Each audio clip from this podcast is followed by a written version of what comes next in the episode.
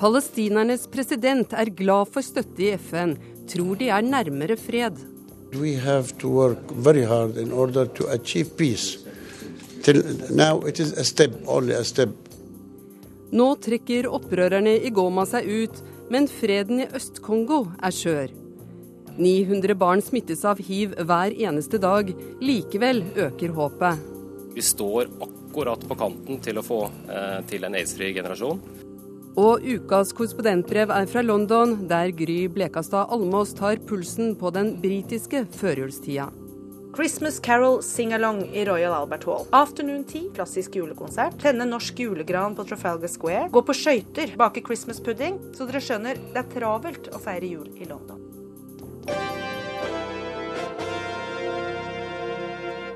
Dette er eh, noe av det vi skal innom denne timen i Verden på lørdag.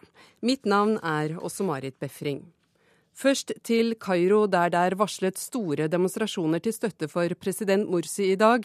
Det har vært mye bråk og uro etter at han kom med dekretet som gjør at han ikke kan overprøves av rettsvesenet, og så har det vært mye bråk rundt den nye grunnloven som ble vedtatt i går. Sigurd Falkenberg Mikkelsen i Kairo, i dag er det altså støttespillerne som skal ut på gata. Hvorfor demonstrerer de? Brorskapet mobiliserer nå det de kan. De busser inn folk fra landsbygda for å vise styrke i eh, gatene. Eh, de har jo tatt av disse to eh, kontroversielle politiske beslutningene den siste uka, som du var inne på. Først Mohammed Morsis dekret, deretter å presse gjennom en grunnlov som de selv har i stor grad skrevet, helt uten andre deler av Egypt til stede. Så de ønsker nå å vise at de også kan dominere gateplanen planet på samme måte som eh, deres motstandere har gjort de siste, siste ukene. Ja, For de som protesterer mot regimet er fortsatt på Tahrir-plassen.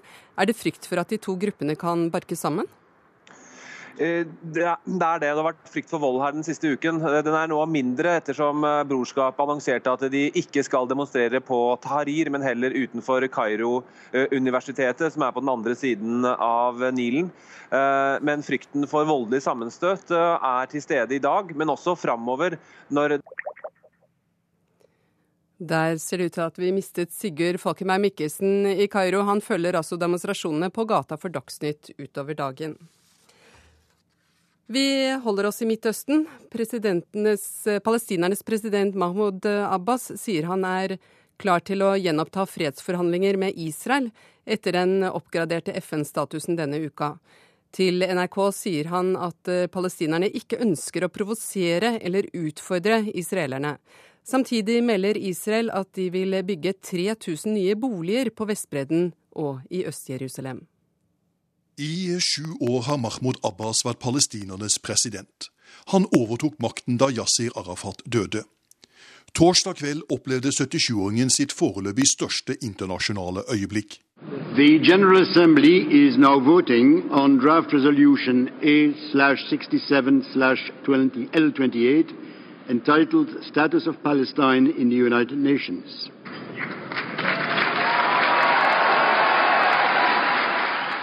Applausen runget i FNs hovedforsamling da det ble klart at et solid flertall oppgraderte palestinernes status i FN til observatørstat uten stemmerett.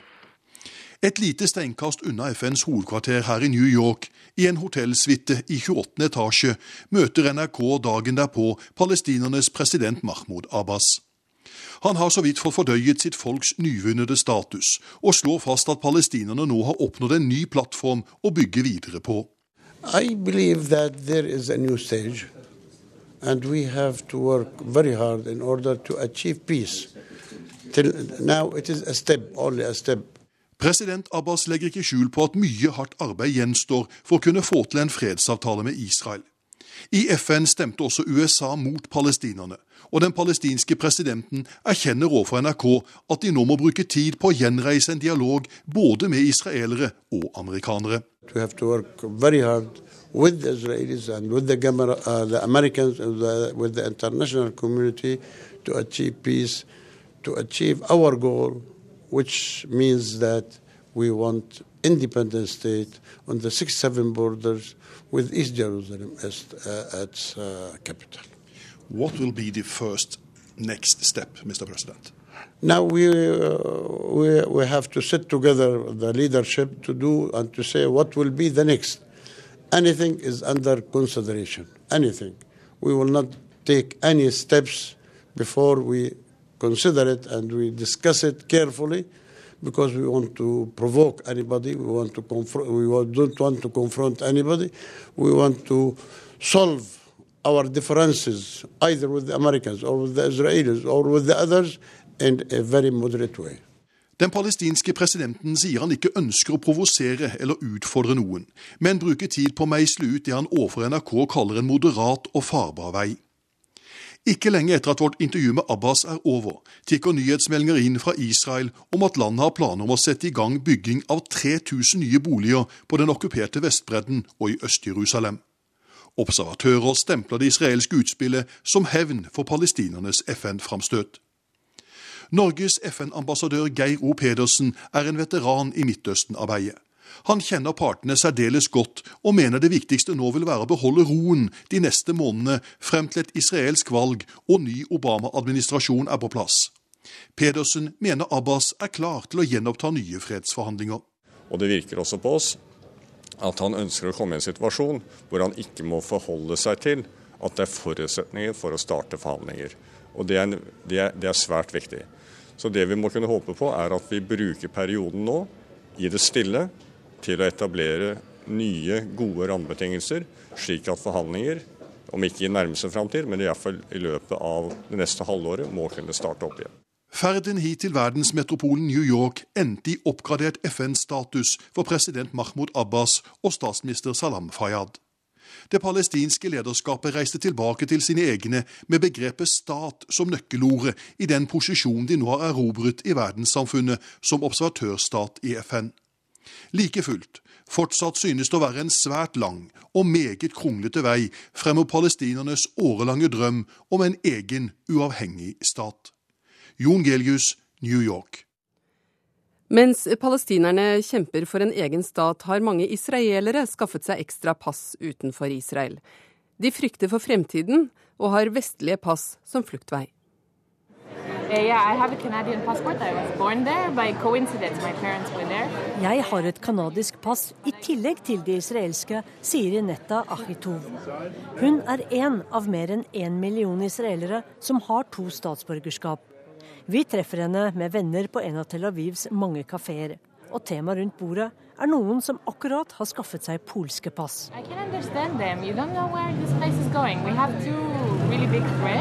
Vi har to trusler, den palestinske og den ultraortodokse, sier Achitov. Hun forstår alle dem som søker om vestlige statsborgerskap, for ingenting tyder på at konflikten med palestinerne blir løst. Samtidig får de ultraortodokse jødene mer og mer makt i Israel, makt til å diktere hvordan folk skal gifte seg og begraves. De innfører bussruter der menn og kvinner sitter adskilt, noe sekulære israelere som Netta synes er forkastelig.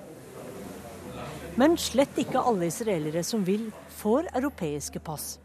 My mother was born in a refugee camp in Germany. They won't even give her a German passport.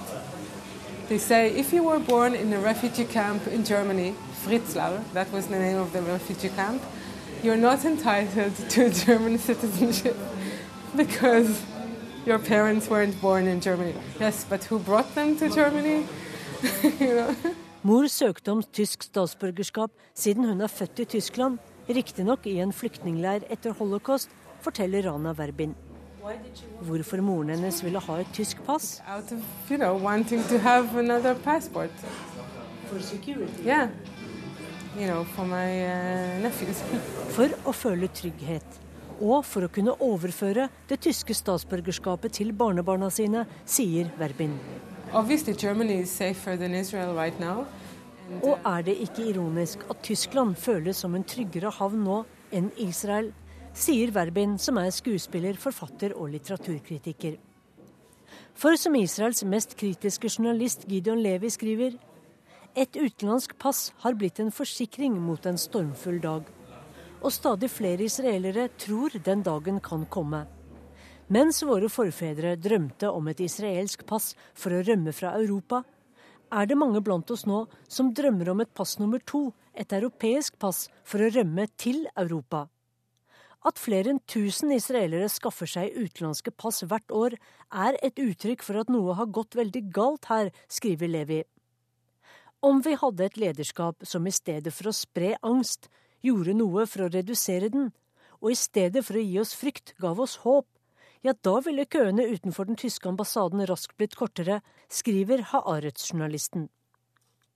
En studie gjort av Menachem Begins Heritage Center i 2008 viste at 59% av israelerne hadde eller planla å søke om et annet statsborgerskap.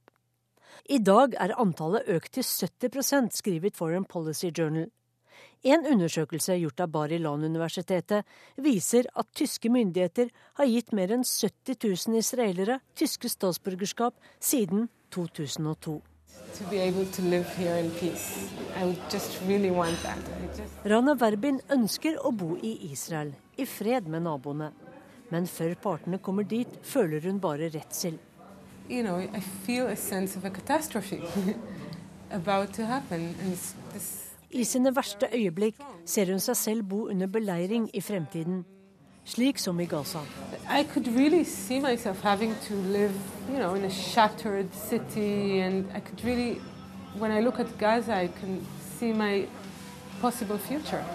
Sier den 39 år gamle israelske kvinnen som ikke vil sette barn til verden slik ting er nå. Venninnen Netta er gravid.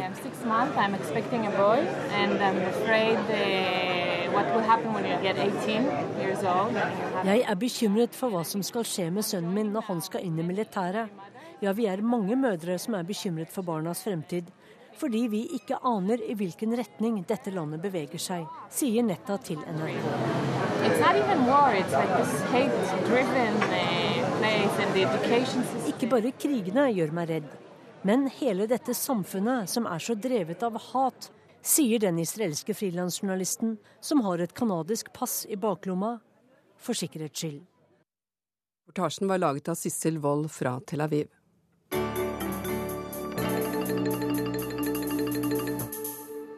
Til uka møtes ministre fra nærmere 200 land under FNs klimakonferanse i Doha. De skal forsøke å bli enige om en ny avtale for å kutte CO2-utslippene, men mange av landene som slipper ut mest CO2, er ikke til stede. Jeg snakket med miljøvernminister Bård Vegar Solhjell før han reiser nedover.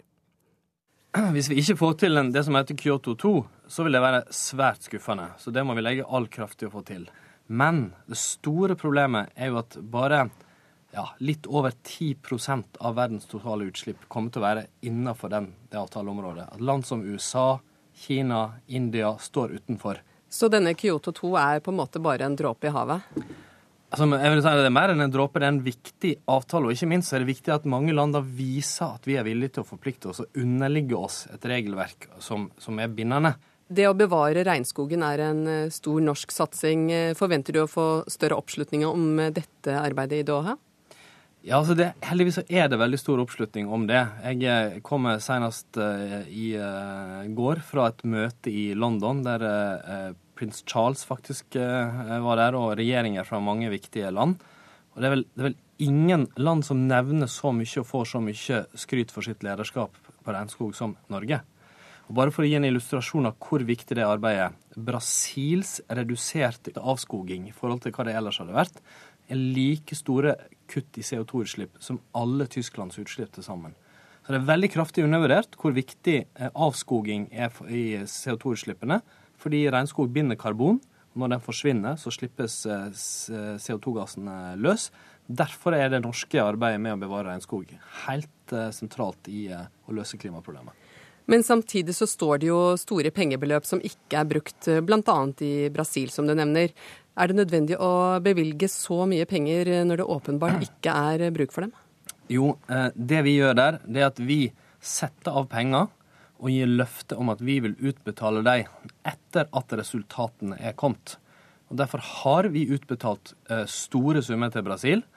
Eh, og det står òg på konto store summer som skal overføres til dem for de resultatene de har gitt. Men det er en ny måte å tenke bistand på. Istedenfor å først gi pengene og håpe at det går bra, så sier vi at dere må levere resultatene. Da får dere penger. Hva tror du blir eh, resultatet? Står dere med en eh, ny Kyoto 2-avtale i hånda om en uke? Jeg tror vi står med en Kyoto 2-avtale. Jeg håper vi òg står med noen andre framskritt, men jeg tror samtidig mange vil se at veien til den store, brede avtalen som inkluderer alle eh, idrettsland, land, den må det jobbes mye tøffere med. Og at i, i, for å nå målene våre om, om å, å, ta det gigantiske problemet her på alvor, så må Norge og alle andre land gjøre jobben sin hjemme òg og redusere våre egne utslipp.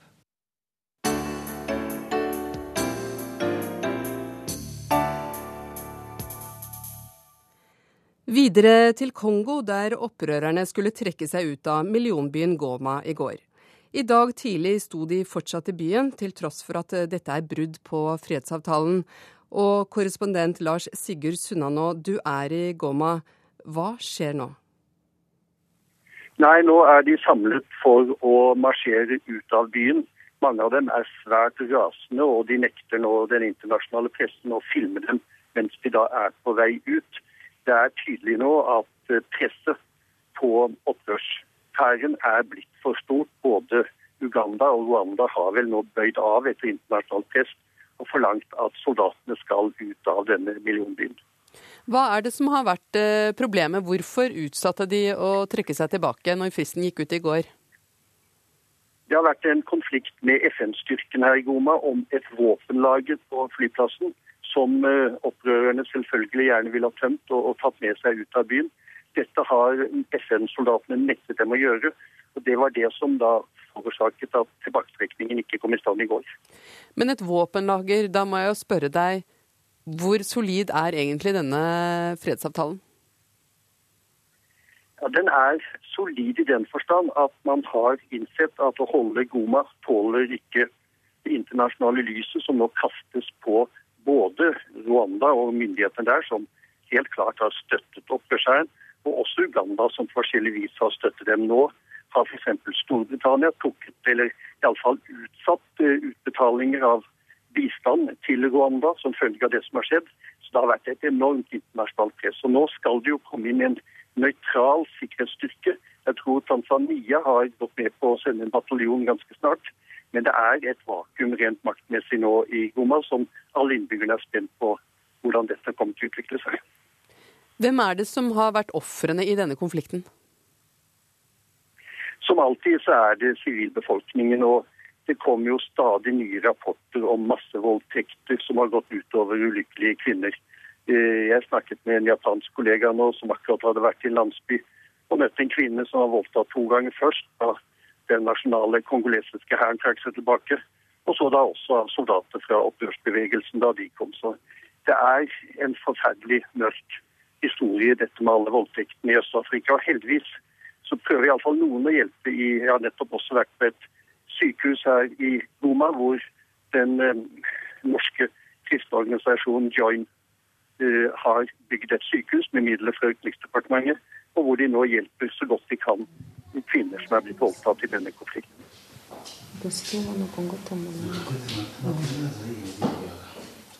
Lavmælt forteller hun sin historie.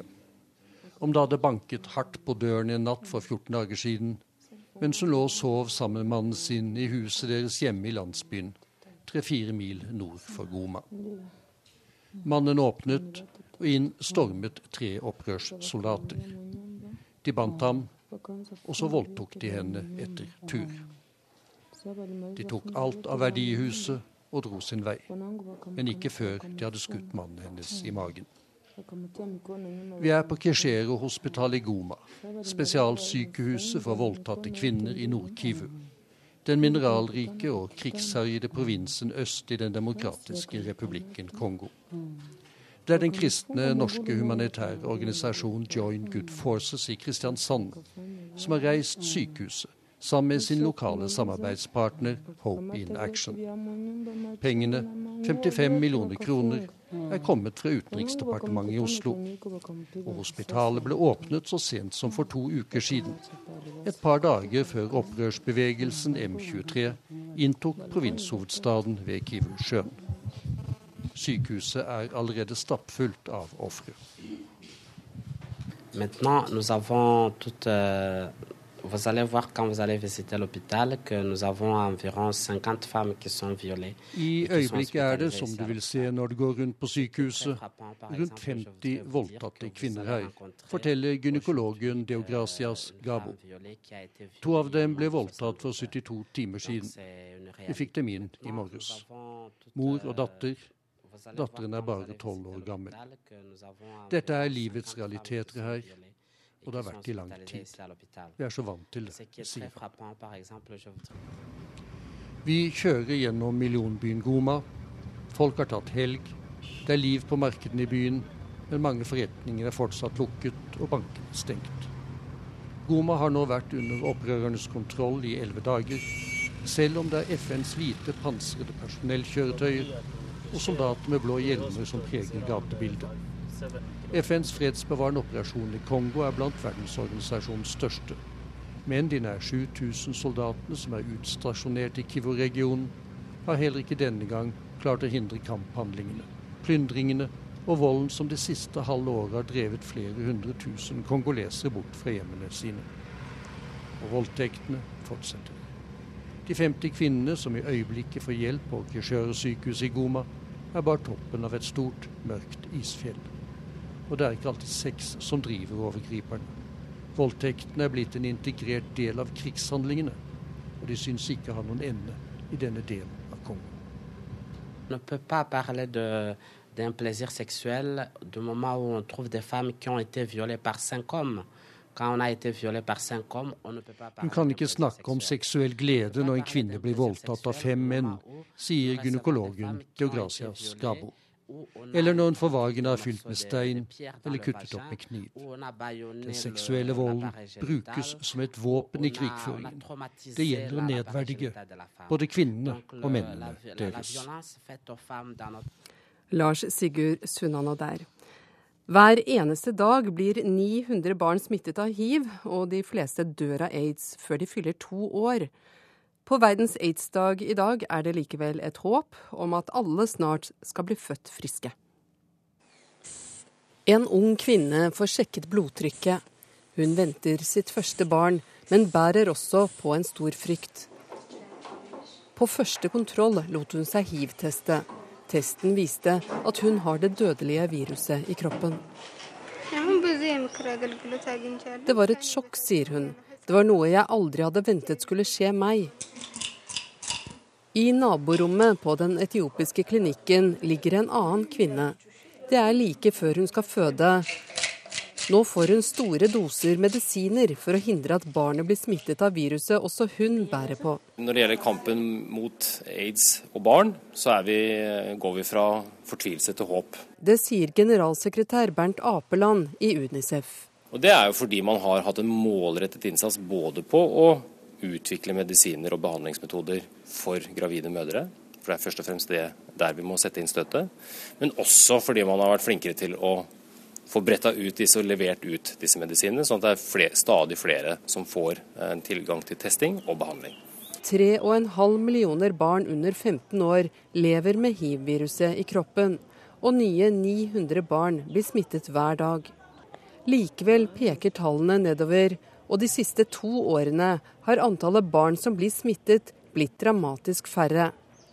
Drømmen om en aids-fri generasjon vokser. Selv om mødrene og fedrene er smittet, så skal barna få vokse opp friske. Det er jo egentlig et eventyr der vi står nå. For det, det var ikke mange lyspunkter hvis du går tilbake igjen til 2000, eh, begynnelsen av 2000-tallet og fram til 2005, hvor antall dødsfall eh, steg hvert eneste år. Antall nye eh, smittede steg hvert eneste år. For lenge var det ikke noe håp, ingen medisiner. Da medisinen som skulle bremse sykdommen kom rundt årtusenskiftet, var den for dyr, i hvert fall for de fattige landene. Flere organisasjoner og aktivister begynte å legge press på verdens rikeste land for å få dem til å handle.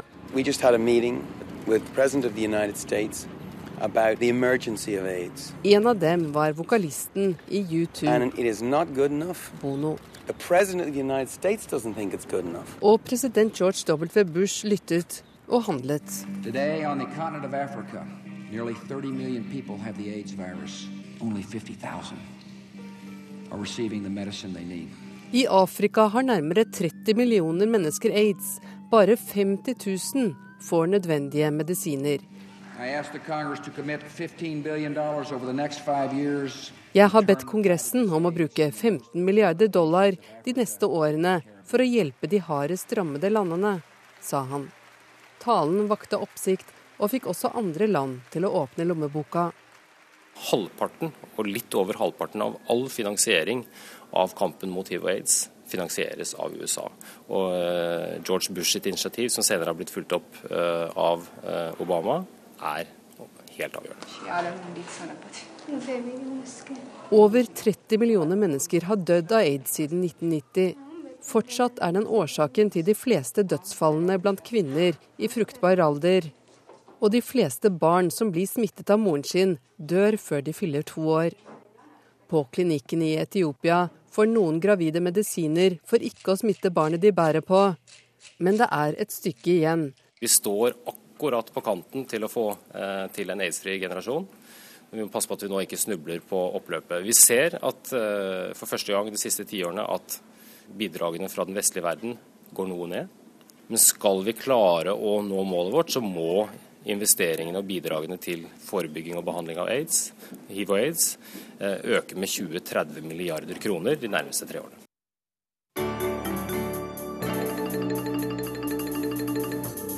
Du lytter til Verden på lørdag. Vi har hørt at Egypts president Morsis støttespillere går ut i gatene i dag. Så De eh, ønsker nå å vise at de også kan dominere eh, gateplanet på samme måte som eh, deres motstandere har gjort de siste, siste ukene. Opprørerne i Kongo er i ferd med å trekke seg ut av Goma, én dag på overtid. Nei, nå er de samlet for å marsjere ut av byen. Mange av dem er svært rasende, og de nekter nå den internasjonale pressen å filme dem mens de da er på vei ut. Senere i sendingen skal vi til USA, der storfavoritten til å etterfølge Clinton som utenriksminister har snublet seg gjennom uka. Og i korrespondentbrevet skal vi settes i britisk julestemning.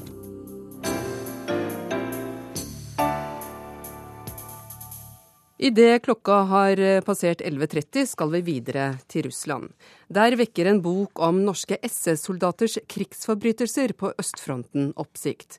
Boka 'Himmlers Norge' er viktig fordi Øst-Europa ikke har tatt et oppgjør med holocaust.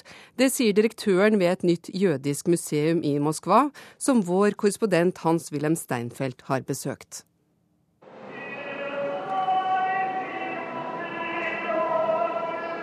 Det jødiske museum og toleransesenter her i Moskva har kostet inn på 300 millioner kroner og presenterer jødenes tragiske historie i Øst-Europa og Russland ved hjelp av den nyeste interaktive teknologi. Og Gamle testamentet formidles i dette tidligere ateistsamfunnet nå ved hjelp av kinoens 5D-format. For første gang i russisk historie skjules ikke både tsarenes og kommissærenes antisemittisme. Besøkende får høre alt om pogromen i Russland på 1880-tallet, som fikk Russlands jøder til å flykte hals over hode fra det russiske imperium, blant andre steder til Norge og Trondheim fra Østersjøkysten. Men sentralt står naturligvis utryddelsen av 2,5 millioner sovjetiske jøder under andre verdenskrig. I Polen og Sovjetunionen ble jødene bare jagd ut av sine hjem til gatene og skutt ned der Holocaust skjedde mer diskré i vest, nemlig i Auschwitz. Utryddelsen av sovjetjødene kunne skje så fort og brutalt lokalt fordi det var utstrakt lokalt medløperi med de tyske nazistene, viser museumsdokumentasjonen, sier lederen Baruch Gorin. На Украине был массовый коллаборационизм, и, собственно, среди полицаев были украинцы и так далее. И это касается не только Украины, но еще в большей степени, скажем, Польши и Литвы. i Ukraina var det massiv kollaborering med de tyske nazistene, særlig blant de ukrainske gendarmene. Men dette medløperiet var enda mer massivt i Latvia og Litauen, sier Baruch Gorin. I Riga ble f.eks. jødene bare meid ned i bakgaten, og 16. mars i år ble det arrangert en stor marsj i Riga med presidentens forståelse, der Waffen-SS ble hedret. Dette gjelder også de østeuropeiske land som Ungarn, der partiet Jobbik, som betyr de beste denne uken, kalte jødene for en nasjonal sikkerhetsrisiko fra parlamentets talerstol i Budapest. I Øst-Europa kom jødene under dobbelt ild, hatet både av tyskerne og slavene lengst øst, sier Baruch Gorin, som leder det jødiske museum i Moskva. Конечно.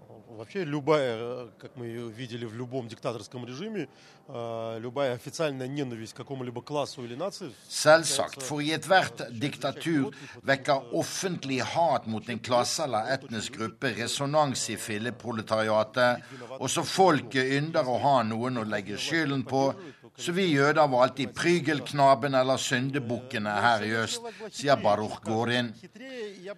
Mellomkrigstiden var best for sovjetjødene.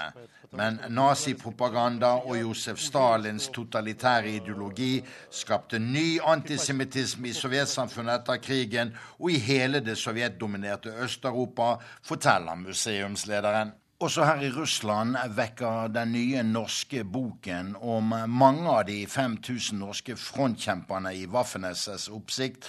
For det norske holocaust-senteret har nå dokumentert hvor mye mer aktivt nordmennene deltok i utryddingen av sovjetjødene Og Baruch Goren sier dette om boken 'Himmlers Norge', som nettopp er utkommet ved statlig norsk finansiering av grunnforskningen. Я думаю, что сейчас они, к сожалению, опять стали невероятно важны. Вообще казалось, по крайней мере, в Западной Европе, Dessverre er slike bøker igjen blitt viktigere. I Vesten tok man et oppgjør med holocaust etter krigen, men ikke i Øst-Europa.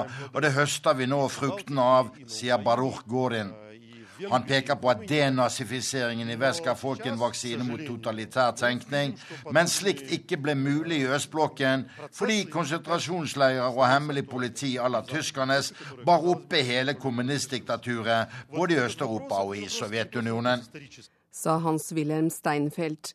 Boka 'Himmlers Norge' har blitt viktigere nå, dessverre, sier museum, museumsdirektøren. Det er altså en nesten 700 sider tykk bok om nordmenns deltakelse i krigsforbrytelser på østfronten. Hans-Wilhelm, hvilken rolle hadde de norske SS-soldatene i drapene på jødene på østfronten? Både i Østpolen, i Ukraina, Hviterussland og på Leningrad-fronten var av, de norske medlemmene av SS-avdelingene med på grusomheter. Og forskerne fra Holocaust-senteret har vært inne i KGB-arkivene og funnet dokumentasjon på navngitte nordmenn som ble tatt for slike forbrytelser. Hvem var det som deltok i disse massemordene da denne nye historieforskningen avdekker?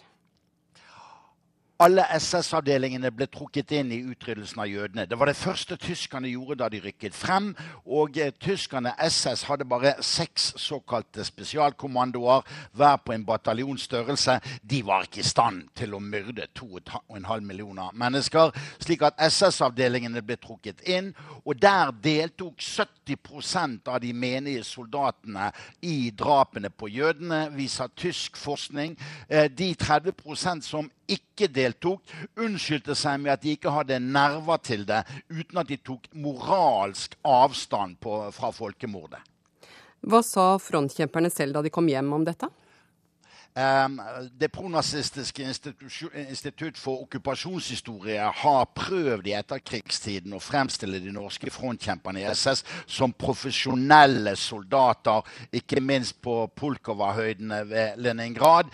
Men dette bildet blir knust av denne nye grunnforskningen, som har tatt en ti års tid. Hvordan eh, ble det behandlet under Landsvik-oppgjøret, da? Den store tyngden av SS-folkene som kom hjem, ble forhørt ved Landsvik-avdelingen på Oslo politikammer. Og en tidligere forhører der, Reidar Bjørn Larsen, sa til Søndagsavisen for noen år siden at de fikk bøter, de fleste. Noen ble fengslet. Men hadde politiet den gang visst hva man nå vet, ville avhørene i Norge etter krigen blitt betydelig tøffere for frontkjemperne. Takk til deg, Hans-Wilhelm Steinfeld.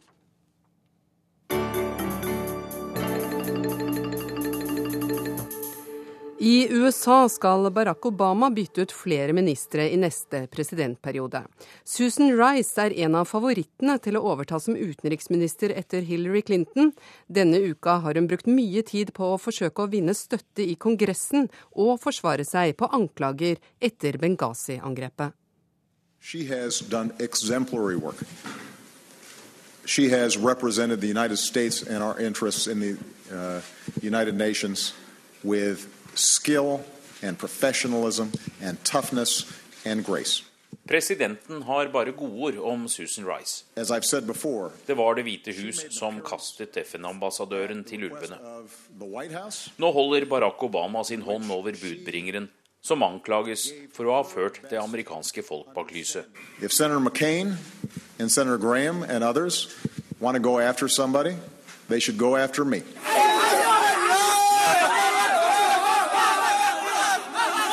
11. september i Benghazi, Libya. USAs konsulat angripes.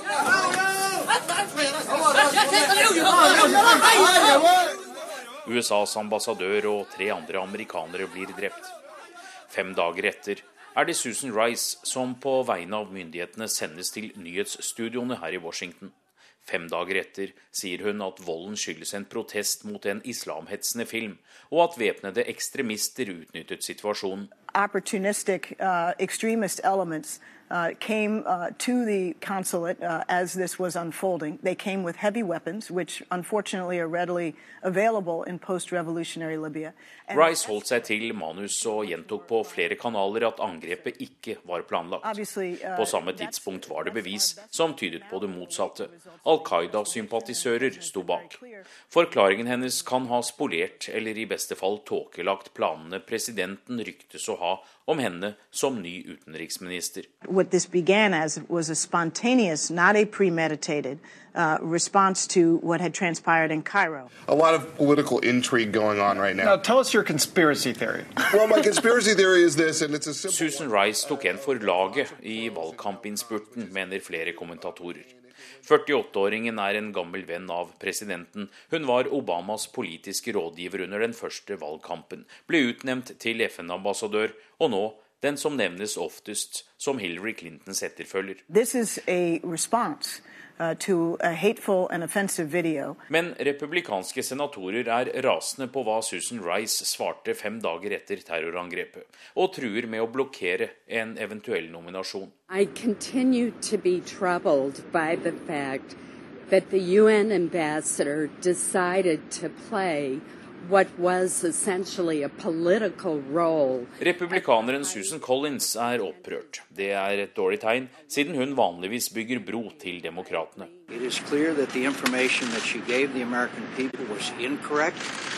Senator John McCain slår fast at Susan Rice opplagt ga feil informasjon, mens etterretningsmiljøet satt på andre opplysninger. Bottom line, I'm more disturbed now than I was before that the uh, 16 September uh, explanation about how four Americans died in Benghazi, Libya by Ambassador Rice Senator Lindsey Graham er mer bekymret nå enn han var før Rice' forklaring til fjernsynskanalene fem dager etter angrepet.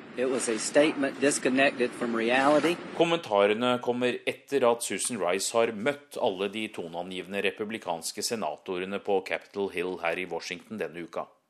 De har alle sagt offentlig at FN-ambassadøren ikke er skikket som utenriksminister, etter å ha holdt igjen opplysninger om at Benghazi var en planlagt terroraksjon. If you don't know what happened, just say you don't know what happened. Hun har fortsatt et stykke å gå før dem som kan stanse en utnevnelse, demper kritikken. I would need to have additional information before I could support her nomination. Susan Rice' brannslukking bak lukkede dører i Washington er uvanlig. Som regel er det bare nominerte som har private møter med de folkevalgte. Men besøket ses på som et klart signal om at president Obama vil ha Rice inn i stillingen som USAs toppdiplomat. I relied solely and squarely on the information provided to me by the intelligence community. Rice selv sier hun ikke førte folk bak lyset da hun stilte opp fem dager etter terrorangrepet. Hun stolte på og formidlet videre opplysningene hun hadde fått fra etterretningsmiljøet. Hun legger til at alle har jobbet i god tro. Den til nå høyt ansette FN-ambassadøren kjemper for å klatre videre. Akkurat nå antyder republikanerne at de vil spenne beina under Rice. Allerede under Bill Clinton var hun en av de yngste sentrale tjenestemennene USA hadde hatt, assisterende statssekretær for Afrika. Hennes mentor var Madeleine Albright. Rice har hatt en lynkarriere og har halt i land flere triumfer. Hennes kolleger i FNs sikkerhetsråd klager privat på Rice' aggressive forhandlingsteknikker og tidvis grove språk. You know Hun omtales som udiplomatisk og noen ganger også frekk og uhøflig. Men alle har stor respekt for jobben hun gjør og resultatene hun kan vise til. Hun hadde mer informasjon om Benghazi enn our UN-ambassadør, Susan Rice. Okay, Talkshow-verten Jay Leno spøker med at tidligere CIA-direktør David Petraeus' elskerinne hadde mer informasjon om Benghazi-angrepet enn Susan Rice. Hittil har det kommet fem offisielle forklaringer på hvorfor Susan Rice talepunkter ble redigert, men fortsatt mangler en klar uttalelse på hvorfor hun holdt tilbake at det var et terrorangrep utført av en gruppe med Al Qaida-sympati.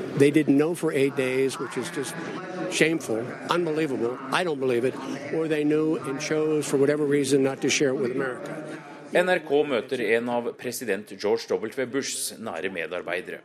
Tom Ridge var statsråd for nasjonalsikkerhet. Han mener administrasjonen under Obama har en utfordring med troverdigheten.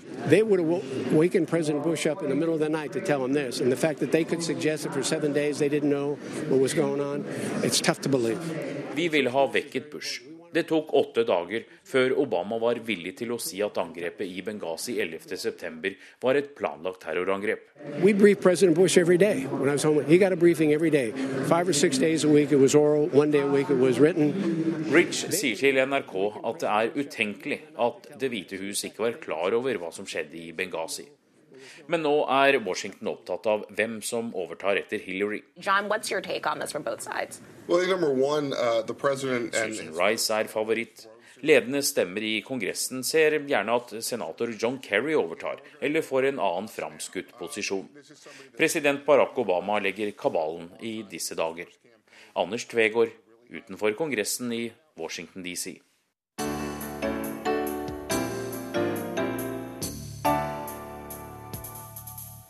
Det er 1. desember i dag, men juleforberedelsene er for lengst i gang i London. Ukas korrespondentbrev er fra Gry Blekastad Almås. I år skal jeg feire jul i London. I julebyen London. Det byr på utfordringer. Jeg trodde jeg begynte tidlig. Det er nemlig flere uker siden jeg var i et middagsselskap der jeg frittet ut vertskap og gjester om hva som skal til for å lage en skikkelig britisk jul. Først og fremst kalkun. Med riktig fyll, eller stuffing. Eller stuffinger, det skal gjerne være flere typer. Et søk blant BBCs oppskrifter ga meg 43 ulike varianter å velge mellom. Christmas crackers er viktig, altså smellbongbonger. De skal strøs utover bordet. Og så, det kanskje aller viktigste, Christmas pudding. Ja, tenkte jeg, det skal jeg gjøre. Jeg skal bake min egen Christmas pudding. Noe mer erkebritisk fins vel ikke. Da kan jeg kanskje komme meg unna med bare én stuffing til kalkunen. Men det var ikke så enkelt. For forrige søndag var Stir Up Sunday, rør opp, opprørssøndag. Det visste ikke jeg før det var for sent. Det er den dagen puddingen skal bakes for at den skal bli ferdig til jul. Da må fruktene være ferdig trukket i alkohol og småpengene sterilisert. Forrige søndag var dagen da ingrediensene skulle blandes, ungene skulle putte penger i røra og røre for alle penga. Før puddingen dampkokes i tolv timer, og deretter dynkes i alkohol, så den kan trekke de siste fem ukene fram til jul. Jeg er altså for sent ute, til tross for at desember nettopp har begynt. Og til tross for at jeg faktisk har julet en god del allerede. Her er en liste over ting jeg har gjort før desember. Vært på Christmas Panto-forestilling, julemarked, Harrods og Fortnum Mason, gått i julegater, laget julekalender. Som dere hører, har jeg så langt vært mer opptatt av å oppleve julestemning enn å få gjort unna praktiske gjøremål. Her er en liste over ting jeg skal gjøre hvis jeg får tid, og jeg kommer til å prioritere opplevelsene. Derfor så nøyer jeg meg med å liste opp dem. Christmas Carol Sing-Along i Royal Albert Hall, altså allsang av julesanger. Afternoon Tea, klassisk julekonsert. Tenne norsk julegran på Trafalgar Square. Gå på skøyter ved Hampton Court, alternativt eh, Somerset House eller annet pittoresk sted. Bake Christmas pudding. Det må da holde at den trekker i alkohol i tre uker, hvis jeg etterfyller ofte. Juleavslutninger. Og Christmas Panto en gang til, for det er så gøy. Så dere skjønner, det er travelt å feire jul i London. Christmas Panto er en hysterisk britisk teatertradisjon før jul. Forestillingen jeg alt har sett, var basert på Robin Hood. Den jeg skal se senere i adventstiden, er Askepott. Det ligger alltid et klassisk eventyr i bunnen. Så legger de til en mengde faste ingredienser. En mann som spiller en kvinnerolle, et kjærestepar, en ond person og buing og tilrop fra publikum. Et publikum som ofte består av folk som er dekorert som juletrær, og som begynner å rope de faste replikkene før stykket har begynt. Det er tydelig at de har ventet og lengtet et helt år på å få gjenta opplevelsen. Alt dette ispedd en masse tørr britisk humor med aktuelle referanser, samt kjente låter fra hitlistene. Vår forestilling var blitt til Robin Hood Gangnam Style, hvis du skjønner. Slik kommer man i ekte britisk julestemning. Jeg tok meg en tur til julevarehusene Harrods og fortnummen Mason også her om dagen. For å få noen flere tips om britisk jul, tenkte jeg. Men det var ikke bare enkelt å fokusere på jul der jeg huket meg sammen under paraplyen i allværsjakke og gummistøvler. Hvit jul er noe man ofrer når man feirer jul i London. Våt jul, derimot. Jeg ble straks i bedre humør da en pingvinkledt herre tok imot meg på fortnummen Mason. Det 300 år gamle fasjonable varehuset på Piccadilly. Mens han jobbet hardt med å få stablet luksussjokoladebokser i formasjon under et juletre, tok jeg runden. Først i matavdelingen, der all verdens luksus fristet fra hyllene. Hest og gullkaret i sjokolade. Konfektesker fulle av små kunstverk av spiselige delikatesser, priset deretter. Hyller opp og hyller ned av portvin, stiltonost og selvsagt Christmas pudding. Men jeg kjøpte jo ikke det, for jeg står fast på at jeg skal bake min selv så alt jeg hadde med meg videre oppover i etasjene, var en krukke brandy-smør som tilbehør til puddingen. I juleetasjen bugnet det av julekuler. Union Jack-kuler, glasskuler, Fortnummen Mason-kuler. London-drosjer, dobbeltdekkerbusser og telefonkiosker med krystallpynt til å henge på juletreet, til over 2000 kroner per stykk. Peiskos var det også, i et hjørne av rommet inntil jeg kom på nært hold og oppdaget at det var flammer på en skjerm. Men likevel, koselig med peis. Enda lenger opp kan man drikke og spise afternoon tea. Det kan man året rundt, men det er ekstra stas å gjøre sånt i jula. Og ekstra stas i årets nyvinning, Diamond Jubilee Tea Salon. En egen ettermiddagstesalong i anledning dronning Elisabeths diamantjubileum i år. Ved inngangen står følgende skilt. Kleskode. Vi anmoder begge kjønn å helle mer mot eleganse enn mot sports- eller strandklær. Herrer anmodes om å bære lange benklær og lukkede sko, smarte olabukser og joggesko er akseptabelt. Det er nok best å være godt forberedt. Det tar egentlig en hel dag å tråle gjennom disse varehusene. Jeg hadde bare en kort formiddag til disposisjon, og raste på tilsvarende vis gjennom Harrods også, bare for å ha gjort det.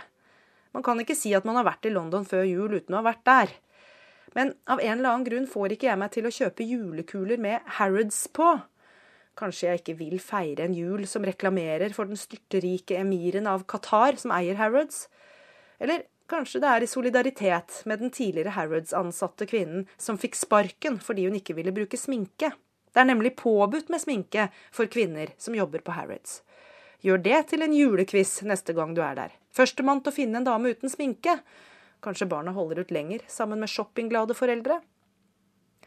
Et annet must er julegatene, men det er jo enkelt. De lar seg ikke unngå. Carnaby Street, for eksempel. Årets utgave er prydet av Rolling Stones karakteristiske tunge. Sånt blir det jula!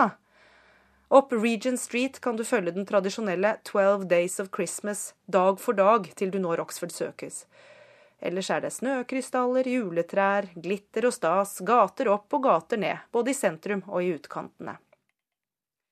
Torsdag tennes den norske julegrana på Trafalgar Square. Den årlige vennskapsgaven begynte som en takk for hjelpen etter andre verdenskrig. Nå symboliserer treet også det nære forholdet mellom nordmenn og briter.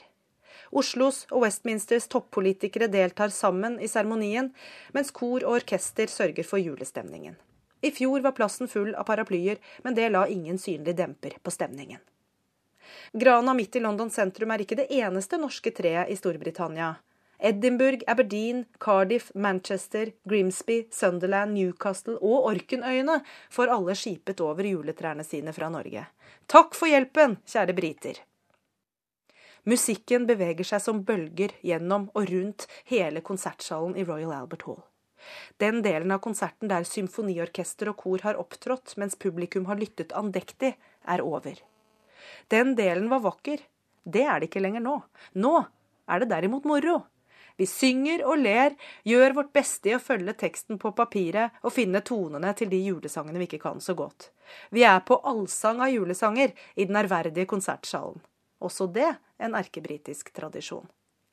Jeg var på en slik konsert for et par år siden, og tar i år med meg barn og slektninger. Vi skal finne fram nisseluer og reinsdyrhorn, kle oss ut som idioter og prøve å ligne briter som kommer i julestemning og synge Jingle Bells, Hark the Herald Angels Sing, Oh Come All You Faithful, og ikke minst The Twelve Days of Christmas, der hver avdeling av publikum får ansvaret for hvert sitt vers, slik at hver bue av salen ljomer av juleglede. Helt opp til øverste balkong, og det er langt opp, for sitter du der, er det langt ned, for å si det sånn. Det er ikke ofte jeg får synge ut lungenes fulle kraft, akkompagnert av symfoniorkester i verdensklasse, ledet av en dirigent på høyeste nivå, som i tillegg har humor, og deler den med salen. Men feirer man britisk jul, får man det. Liste over ting jeg frykter jeg ikke får gjort, og nå bør du ha skjønt hvorfor. Vaske og pynte til jul, lage julemiddag, skaffe juletre, kjøpe presanger, skrive julekort, Bake sju sorter. Ha-ha, skal være heldige om vi klarer pudding og pepperkaker her i huset. Så da er dere advart, dere som skal feire jul sammen med meg. Det er mulig det blir dugnad lille julaften. For meg handler jula mer om god stemning og samvær enn om stress og plikter. Ideelt sett. Men som kjent, verden er jo ikke ideell. Så mens jeg da sitter her og Nipper til en kopp med muled wine, den varianten av gløgg britene bruker.